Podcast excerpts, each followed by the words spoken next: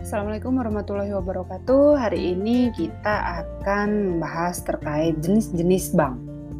Bank dibagi menjadi uh, beberapa jenis ya. Yang pertama berdasarkan fungsinya ada bank sentral, bank umum, bank syariah, dan BPR. Bank berdasarkan kepemilikannya ada bank pemerintah, bank swasta nasional, bank swasta asing, dan bank campuran bank pemerintah ya misalnya BUMN, kemudian eh, BPD ya. Kemudian uh, dari badan hukumnya ada yang berupa persekutuan dan ada yang berupa uh, perseroan. Nah, untuk sekarang yang akan kita bahas adalah terkait bank umum dan BPR ya. Apa saja kegiatan usaha dari kedua bank ini dan apakah perbedaan uh, dari Bank Umum dan BPR dalam uh, menjalankan kegiatan usahanya. Nah, sebelumnya uh, Bank Umum adalah bank yang melaksanakan kegiatan usaha secara konvensional dan atau berdasarkan prinsip syariah yang dalam kegiatannya memberikan jasa dalam lalu lintas pembayaran. Sedangkan bank berkreditan rakyat atau BPR adalah bank yang melaksanakan kegiatan usaha secara konvensional atau berdasarkan prinsip syariah yang dalam kegiatannya tidak memberikan jasa dalam lalu lintas pembayaran. Jasa dalam lalu lintas pembayaran ini apa? Nanti akan kita bahas. Nah, beberapa kegiatan usaha di bank ya. Untuk bank umum, dia menghimpun dana dari masyarakat dalam bentuk simpanan berupa giro, deposito berjangka, sertifikat deposito, tabungan dan atau bentuk lainnya yang dipersamakan dengan itu. Kemudian bank umum juga memberikan kredit. Kemudian menerbitkan surat pengakuan utang. Kemudian dia membeli, menjual atau menjamin atas resiko sendiri maupun untuk kepentingan dan atas perintah nasabahnya. Kalian bisa lihat di pasal 6 Undang-Undang Perbankan ya untuk uh, bank umum.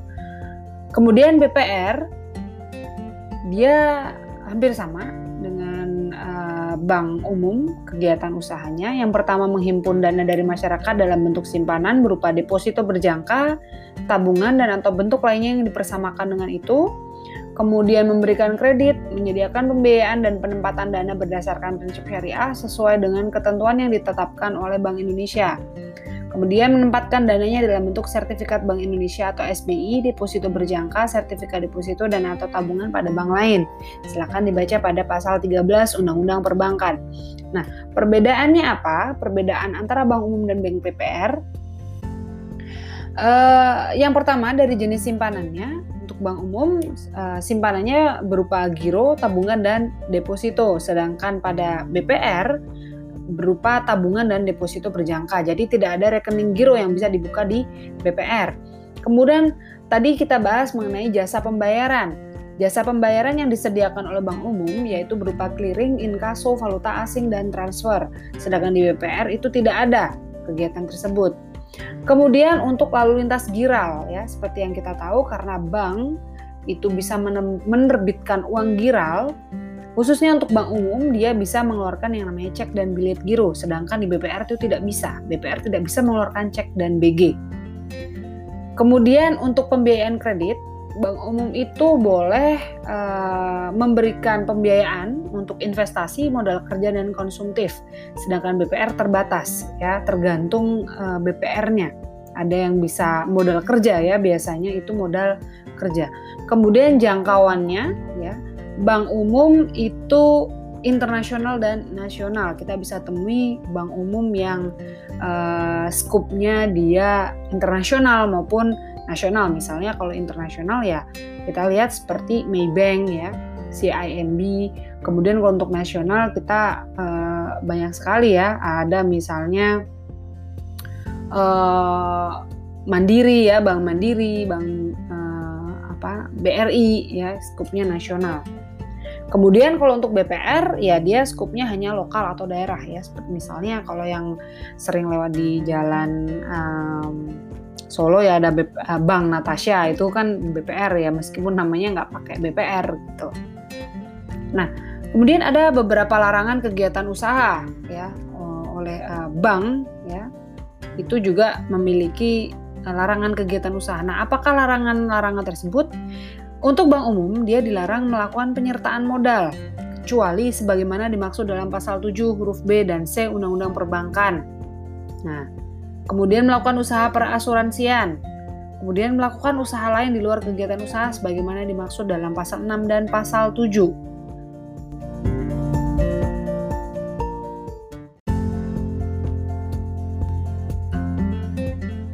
Nah, apa saja eh, kegiatan penyertaan modal ya eh, yang dimaksud di dalam eh, pasal 7 huruf B dan C Undang-Undang Perbankan?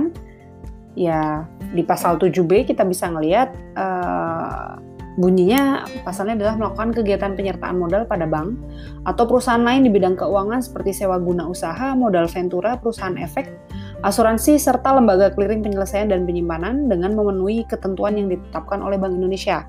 Sedangkan dalam pasal 7C melakukan kegiatan penyertaan modal sementara untuk mengatasi akibat kegagalan kredit atau kegagalan pembiayaan berdasarkan prinsip syariah dengan syarat harus menarik kembali penyertaannya dengan memenuhi ketentuan yang ditetapkan oleh Bank Indonesia.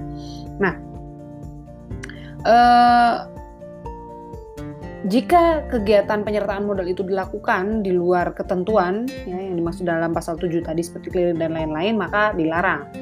Kemudian uh, melakukan usaha lain di luar kegiatan usaha sebagaimana dimaksud dalam pasal 6 dan pasal 7. Ya, pasal 6 ini banyak sekali ya uh, usaha bank umum ya misalnya seperti yang tadi sudah saya sampaikan ada menghimpun dana uh, dari masyarakat ya dalam bentuk simpanan berupa giro, deposito berjangka, sertifikat deposito, tabungan, memberikan kredit, kemudian memindahkan uang baik untuk kepentingan sendiri maupun untuk kepentingan nasabah, menempatkan dana pada meminjam dana dari atau meminjamkan dana kepada bank lain baik dengan menggunakan surat, sarana telekomunikasi maupun dengan wesel unjuk, cek atau sarana lainnya.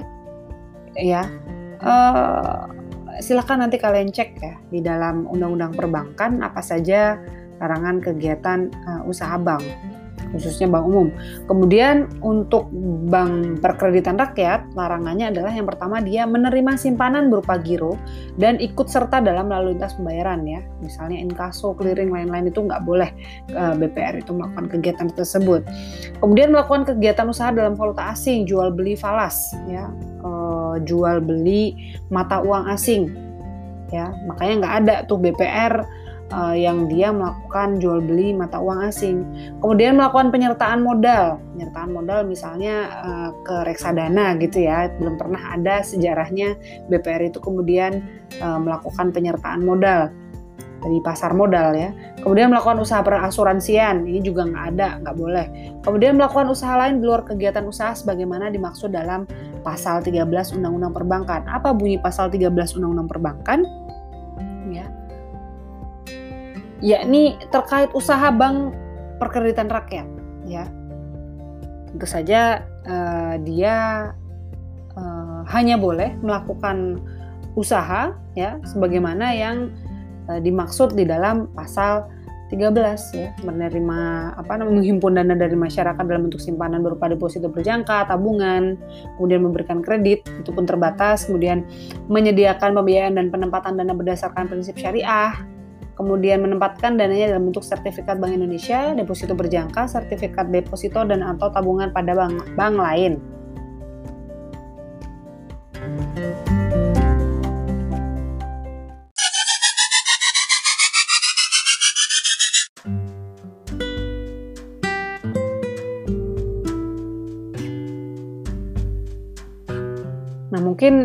Mungkin di sini uh, bertanya-tanya apa sih itu sertifikat deposito? Sertifikat deposito adalah simpanan dalam bentuk deposito yang sertifikat bukti penyimpanannya dapat dipindah tangankan. Ya. Jadi kalau deposito itu adalah simpanan yang penarikannya hanya dapat dilakukan pada waktu tertentu, misalnya kalian um, menyimpan uang dalam bentuk deposito itu yang jangka waktunya 3 atau 6 bulan atau 12 bulan. Nah, sertifikat deposito ini dia bentuknya adalah uh, sertifikat ya yang ini bisa dipindah tangankan dari satu orang ke orang lain dari satu nasabah ke nasabah yang lain uh, yang mana seperti jaminan gitu ya kalau uh, ada uh, dana, dana berupa deposito yang disimpan di suatu bank tertentu.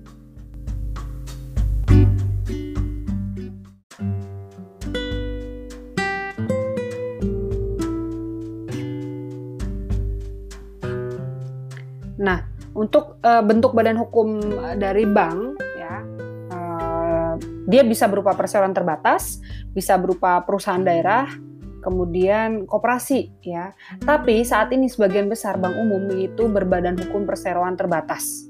Sehingga uh, penting untuk kita bisa melihat kembali pemahaman dasar mengenai hukum perseroan terbatas bagaimana Undang-Undang Nomor 40 Tahun 2007. Sedangkan untuk BPR dia bentuk badan hukumnya bisa berupa PT, bisa berupa koperasi, bisa berupa perusahaan daerah atau bentuk lain yang ditetapkan melalui peraturan uh, pemerintah.